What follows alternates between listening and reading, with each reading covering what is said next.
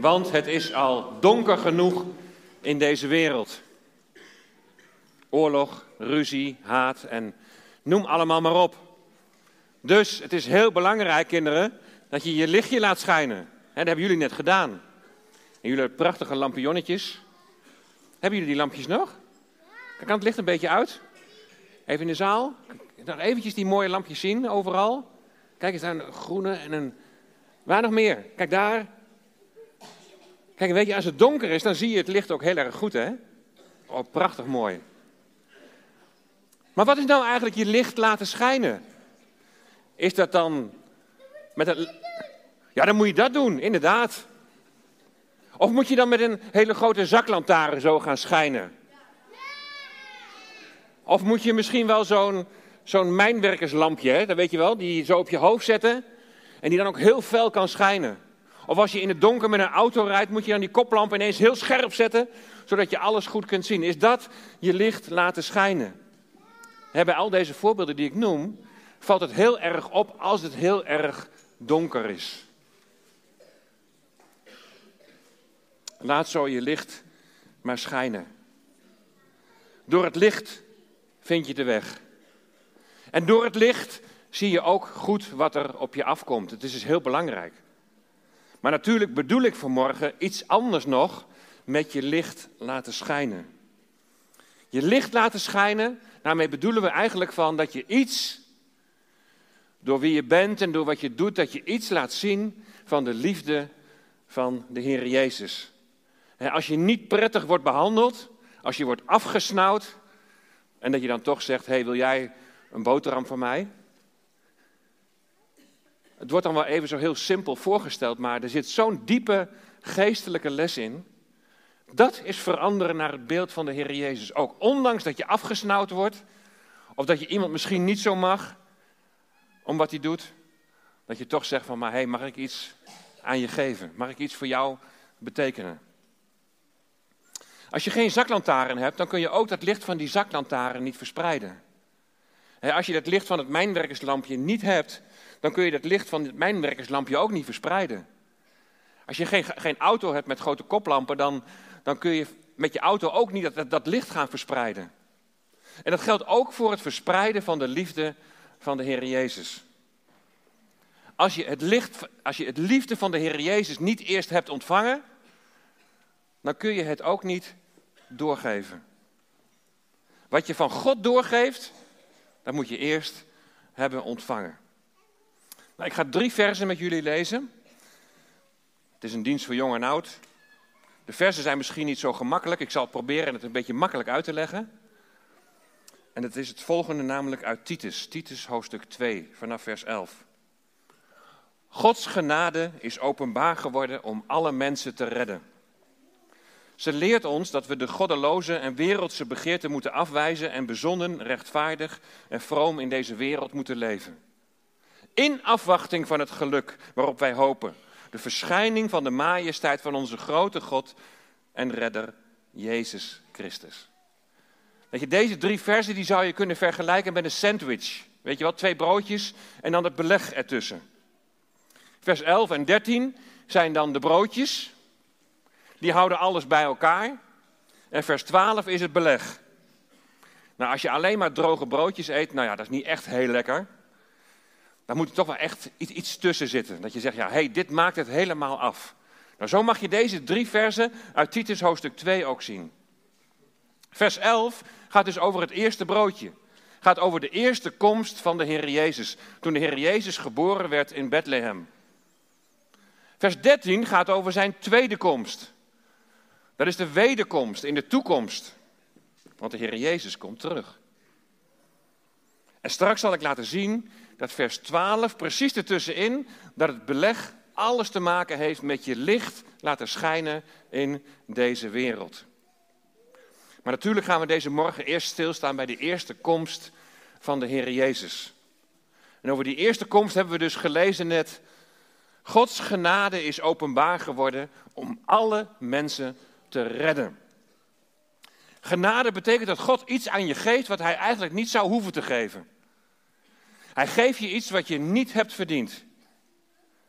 En hier lees je wat hij wil geven. Hij wil alle mensen, niemand uitgezonderd, hij wil alle mensen wil hij redden. Hij wil alle mensen verlossen. Hij wil alle mensen bevrijden. Maar hoezo moet ik worden gered? Hoezo moet ik worden verlost? Hoezo moet ik worden bevrijd? Ben ik dan gevangen? Ben ik dan in gevaar? Nou, om dat uit te leggen ga ik jullie iets vertellen wat 18 jaar geleden is gebeurd. 18 jaar geleden ging ik voor het eerst naar Moldavië, het armste land van Europa. Met het verlangen om daar iets van de liefde van de Heer Jezus te laten zien. Door mensen daarover de Heer Jezus te vertellen, maar ook door arme mensen eten te brengen en de voor zieken te bidden. Zo wilde ik mijn licht laten schijnen. Onze dochter was ook mee en die ging werken in een weeshuis. Er waren kinderen die geen vader en moeder meer hebben, of kinderen waarvoor de vader en moeder niet meer konden zorgen. En daar wilde onze dochter haar licht laten schijnen. Daar wilde zij de liefde van de Heer Jezus laten zien bij deze kinderen. Door gewoon te laten zien van ik ben er voor jullie en ik hou heel veel van jullie. Op een dag gingen we naar een vrouwengevangenis. En in die vrouwengevangenis, daar zaten zo'n 300 vrouwen. We gingen met deze oude Volkswagenbus. En bij die bus daar staat de vader van Karin, die al bij de Heer Jezus is. En we gingen onderweg en regelmatig moest de motorkap omhoog en moest er water bijgegoten worden. Voor de koeling neem ik aan. Ik heb niet zoveel verstand van auto's, maar... We waren onderweg, het was een hele lange tocht en zo halverwege... Ik had aangenomen van mijn schoonmoeder die gaat spreken in de vrouwengevangenis. Want dat was ze gewend om voor vrouwengroepen te spreken. Maar halverwege zei de vrouw van de voorganger die mij meestal vertaalde... hey Bert, wat ga je straks delen in de gevangenis? Ik zeg, ik? Ik, ik heb helemaal niks voorbereid. Maar dacht je wat ze zei? Een dienstknecht van God moet altijd voorbereid zijn. Ik eens weten. Ik denk, ja, nou ja, als het nog in het Nederlands was, was het tot daaraan toe, maar het moest ook nog in het Engels. Dus ja, dat ging me ook niet zo heel gemakkelijk, zo spontaan af. Bert, waar ga je over spreken? Nou, ik ga in de Bijbel bladeren. Ik denk, Heer, even een schietgebedje van, Heer, help mij alsjeblieft. Help me alsjeblieft en, en geef me iets. En toen kwam ik uit bij dit Bijbelgedeelte uit Titus. En toen we binnen waren, toen stonden we in een soort van een, ja, een recreatieruimte, waar verschillende vrouwen kwamen. En onze dochter daar, die pakte haar gitaar en die heeft eerst een paar liederen gezongen.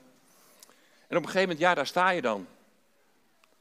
Onderweg had ik wel iets gehoord van de reden waarom die vrouwen daar gevangen zitten. Er was een vrouw die fraude had gepleegd, twaalf jaar gevangenisstraf. Maar er was ook een vrouw die haar man had vermoord. Soms zulke schrijnende toestanden.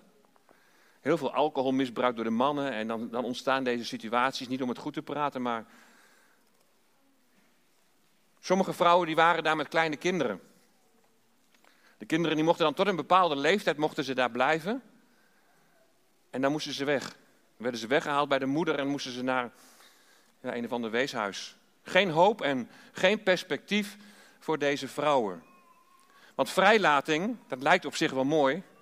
Maar vrijlating betekent dan wel dat je er helemaal alleen voor staat in een land waar totaal geen sociale voorzieningen zijn. Je bent in het armste land van Europa.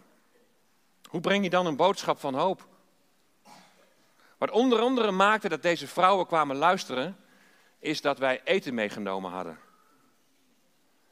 Maar wat hen vooral bemoedigde, was dat mijn schoonouders ieder jaar weer terugkwamen. Ze dachten van, hé, hey, ze komen hier niet zomaar even een keertje kijken vanuit nieuwsgierigheid. Maar ze zijn echt bewogen met ons. En ieder jaar gingen ze daar weer naartoe. En ieder jaar namen ze weer eten mee en ieder jaar brachten ze de boodschap. Brood en de Bijbel. Dat gaf deze vrouwen gaf het gevoel van, hey, ze geven om ons, ze houden van ons. Je hebt natuurlijk niet een oplossing zomaar van waar zij zich in bevinden. Maar je verkondigt wel een hoop die uitstijgt boven hun omstandigheden. Een hoop die verder reikt dan het aardse leven. En ik heb tijdens mijn reizen naar Moldavië zoveel geleerd van de broeders en zusters daar. Hoe zij leven in afhankelijkheid van God. En ja, dat moesten ze natuurlijk ook wel, want het ontbrak aan alles, ze hadden niks. Maar ook hoe hun toekomstverwachting hun leven in een heel ander perspectief zette. Als je het bijvoorbeeld had over hun gebrekkige huisvesting, hutjes en gammele deuren en buiten een, een douche, ja douche, een paar vier golfplaten met een emmer erboven waar dan het water in zat en even aan een touw trekken en dan...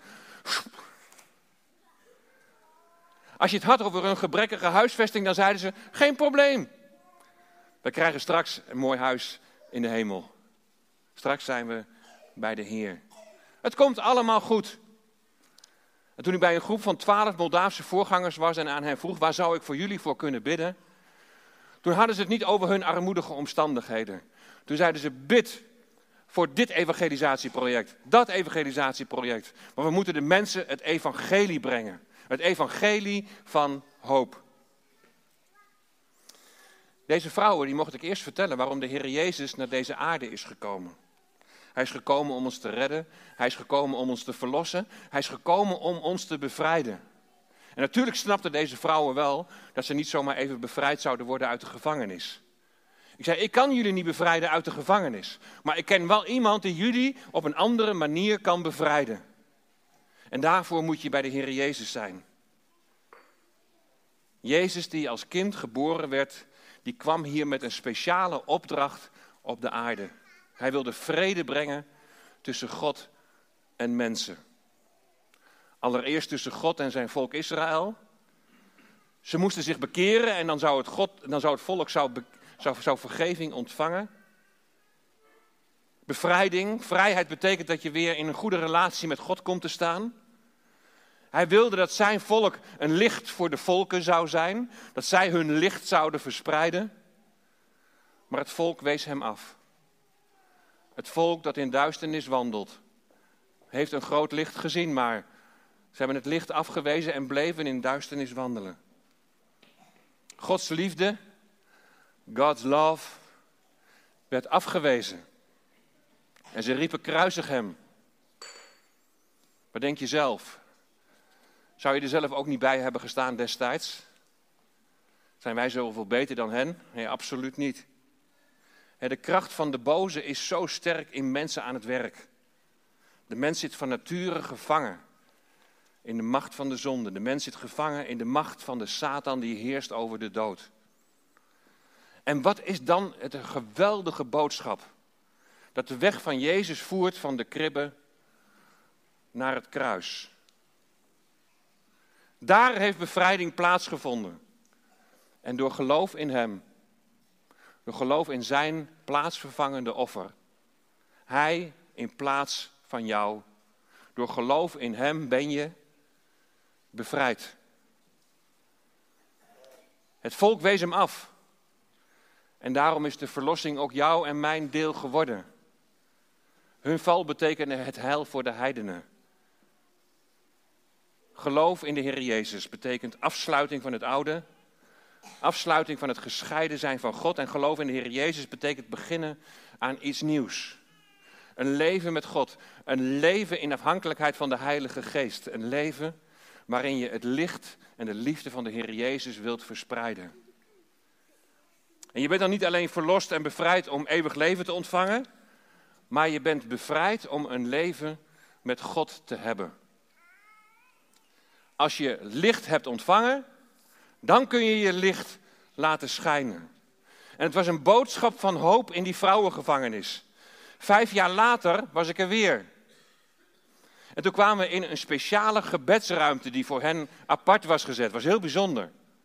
30 vrouwen van de 300 vrouwen die kwamen daar samen voor gebed. En toen wij daar kwamen, toen voerden ze een stukje drama voor ons op. En in dat stukje drama lieten ze zien waarin ze het verlossende werk van de Heer Jezus Christus en bevrijding uit de macht van de Satan, dat beelden ze uit. Wat geweldig. Nou, dat was niet enkel het gevolg van ons bezoekje, want regelmatig gingen voorgangers, evangelisten, broeders en zusters naar die gevangenis toe om daar van de Heer Jezus te getuigen. Misschien heeft het er iets aan bijgedragen dat we daar ons licht mochten verspreiden in een gevangenis een boodschap brengen van vergeving. Van je mag bij God altijd opnieuw beginnen. In een, in een gevangenis een boodschap brengen van bevrijding. En die vrouwen die tot geloof kwamen, die werden verder geholpen. Om discipel van de Heer Jezus te zijn, om Hem na te volgen. Want de verschijning van Gods reddende genade en het aanvaarden daarvan moet ook iets in je leven uitwerken, zodanig dat je iets van het karakter van God laat zien. Zodat jij je licht laat schijnen. Als je tot geloof gekomen bent, dan ben je een baby en dan moet je opgroeien tot volwassenheid. Zoals wij onze kinderen opvoeden, zo moeten we zelf ook worden opgevoed. Gods genade voedt ons op Gods genade voedt ons op dat we goddeloze en wereldse begeerten moeten afwijzen. In hoeverre heeft God iets te zeggen over jouw leven? Als jij je licht wilt laten schijnen, besef je dan dat je dat licht eerst hebt ontvangen en dat jouw licht verspreiden betekent dat je ook echt doet wat God zegt mag Hij iets te zeggen hebben over jouw leven. Goddeloos betekent los van God. Alles in je leven dat losstaat van God, waar je Hem niet in kunt betrekken, dat moet je afwijzen. Dat moet je aan de kant doen. Alles wat tegen Hem ingaat, alles wat niet in overeenstemming is met wat Hij in de Bijbel heeft laten opschrijven, dat wil je niet meer. Wereldse begeerte wijs je af. Wat voor deze wereld belangrijk is, wat misschien een heel goed gevoel geeft, wat tegen Gods wil ingaat, dat wil je niet meer.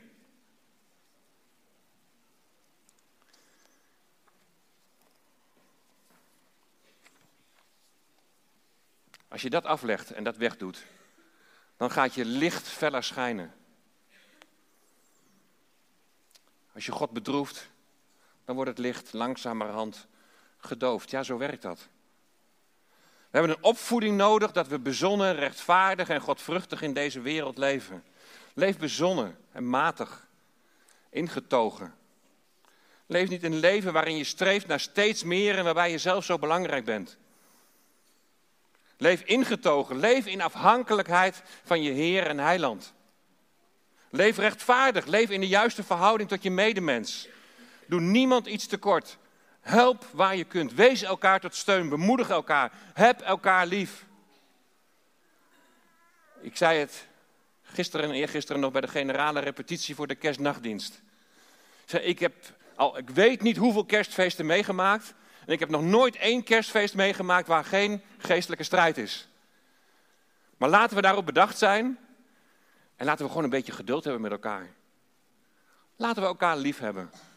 Ook als het misschien net even iets anders gaat dan jij graag zou willen. Iets van het karakter van de Heer Jezus weerspiegelen. Leef godvruchtig. Leef in ontzag voor God. Daartoe is God reddend in deze wereld verschenen. Om ons van binnen te veranderen naar het beeld van de Heer Jezus. Ik sprak een tijdje terug een oudere voorganger. En die zei van, ach, we kunnen van alles met elkaar bedenken en alle dingen, het allemaal prima. Heeft maar ik heb eigenlijk nog maar, nu ik wat op oudere leeftijd ben gekomen, ik heb eigenlijk nog maar één verlangen. Ik wil gewoon meer op de Heer Jezus gaan lijken. Ik wil gewoon iets meer, meer, meer van Hem laten zien. Minder van mezelf, meer van Hem. Hij moet wassen en ik moet minder worden. Dat is je licht laten schijnen in deze wereld. En weet je, zo'n leven leidt je niet alleen op grond van wat je dan in het verleden gezien hebt van wat God voor jou gedaan heeft in de Heer Jezus Christus. Maar je leidt ook zo'n leven met het oog op, op zijn komst. In afwachting van het geluk waarop wij hopen. De verschijning van de majesteit van onze grote God en redder, Jezus Christus. En dit gaat niet over zijn eerste komst, maar dit gaat over zijn tweede komst. En ook dat is een hoopvolle boodschap. Weet je, het blijft niet bij zoals het nu is. Wij verwachten de verschijning van de majesteit van onze grote God en redder, Jezus Christus. En weet je, we gaan daar zo meteen met elkaar ook over zingen. Jezus, Gods heerlijkheid, verschijnt. De mensenzoon, de zoon van God, zal koning zijn. God is zijn volk niet vergeten. Hij heeft ze niet verstoten. Hij heeft zelfs nog voor de toekomst een plan met zijn volk. Jezus zal vanuit Jeruzalem regeren over deze wereld. En zijn volk zal dan alsnog het licht van de wereld zijn. God geeft nooit op. En hij geeft jou ook niet op. Hij wil altijd weer dat het goed komt tussen jou en hem. Hij is een God van herstel. Wat er ook is gebeurd en wat je ook hebt gedaan. Dat was ook de boodschap naar deze vrouwen. Soms verschrikkelijke dingen gedaan. Maar bij God mag je opnieuw beginnen. Bij Hem mag je vergeving van zonde ontvangen. Misschien is bij jou het licht wel een beetje gedoofd. Beetje dat eerste vuur gedoofd. Misschien zijn er andere dingen in je leven gekomen die, die een belangrijke plaats hebben ingenomen, dat Jezus een beetje naar de achtergrond is verdwenen. Mag ik je aansporen om dat vuurtje weer aan te wakkeren? Mag ik je aansporen om ruimte te maken voor het licht? Er is al zoveel duisternis in deze wereld. Zolang Jezus nog niet terugkomt, wil Hij zijn licht door jou en mij laten schijnen. En zo kunnen we al een klein beetje hemel op aarde laten zien. Laat zo je licht maar schijnen bij alles wat je doet, zodat de mensen weten, God is goed. Een liedje van Ellie en Rickert. 58% van de inwoners van Nederland geeft volgens het Centraal Bureau voor de Statistiek aan zichzelf niet te rekenen tot een religie of een levensbeschouwelijke organisatie. In 12 jaar tijd is dit aantal met maar liefst 13% gestegen. Dat zijn zo'n 2,3 miljoen mensen. Jezelf rekenen tot een religie of een levensbeschouwelijke organisatie wil nog niet zeggen dat je een relatie met God hebt door de wedergeboorte. Want dan zal het percentage, vrees ik, nog veel hoger zijn. Maar zo'n stijging, dat zegt toch wel wat. De Heer Jezus zei in de gelijkenis van de onrechtvaardige rechter die jullie vorige week hebben gehoord, zei hij het volgende. Zal de zoon des mensen, als hij komt, wel het geloof op de aarde vinden? Maar het gaat dan niet alleen om het geloof in het feit dat de Jezus de Messias is en dat hij de redder is. Het gaat dan niet alleen om het aannemen van het evangelie. Dat is zeer essentieel, is van levensbelang. Maar het gaat veel verder dan dat. Het gaat, een, gaat om geloof in de zin van dat je een wandel met Hem hebt. Het gaat om vertrouwen. Geloof dat in staat is recht te verschaffen of te redden. Het ging daar om recht verschaffen aan de weduwe en de wezen. Het geloof dat aanzet tot volhardend gebed. Zal hij nog het geloof op aarde vinden? Mensen die volledig zichzelf aan Hem hebben overgegeven. Die durven op Hem te vertrouwen en zeggen, Heer, U hebt het voor het zeggen in mijn leven. Laat mij Uw weg zien. Vorm mij en kneed mij naar uw beeld. Een klein voorbeeldje hebben we net gezien. Iemand die heel vervelend tegen je doet en waar je toch je brood mee deelt. Dat heet onvoorwaardelijk liefhebben, love. Liefhebben zoals de Heer Jezus lief heeft. Love is the answer for the world today. Liefde is het antwoord voor de wereld van vandaag. De liefde van de Heer Jezus. Jezus, Gods heerlijkheid verschijnt. De mensenzoon, de zoon van God, zal koning zijn. Hij offerde zichzelf. Wordt nu verhoogd, wordt nu gekroond. Hij is de Heer. Hij zal heerser zijn en regeren met macht en in gerechtigheid. Weet je, zie uit naar Hem en laat je licht schijnen in deze wereld. Laat een ander leven zien, een vernieuwd leven, door de kracht van de Heilige Geest. Dat we iets mogen weerspiegelen van wie de Heer Jezus is. Als kind geboren in Bethlehem. Als man voor smarten gestorven aan het kruis. Uit de dood weer opgestaan. Opgevaren naar de hemel. Zijn geest uitgestort in onze harten. Dat betekent zijn liefde uitgestort in onze harten. Als je dat hebt ontvangen, deel daar dan van uit. Laten we dan een overstromende fontein zijn. Letterlijk en figuurlijk. Dat we die boodschap niet alleen bewaren voor de zondagmorgen, als we hier weer met elkaar samenkomen, maar dat we in deze wereld iets van het licht van de Heer Jezus mogen verspreiden. Iets mogen vertellen van, van diegene die ons onvoorwaardelijk lief heeft, wat we ook hebben gedaan. Bij God is een nieuw begin. Als jij je onvoorwaardelijk aan Hem toevertrouwt, dankt voor het offer van de Heer Jezus. Als je uitspreekt, Heer, ik heb u lief. En ik kan het alleen maar zeggen, omdat u mij eerst hebt lief gehad. Amen.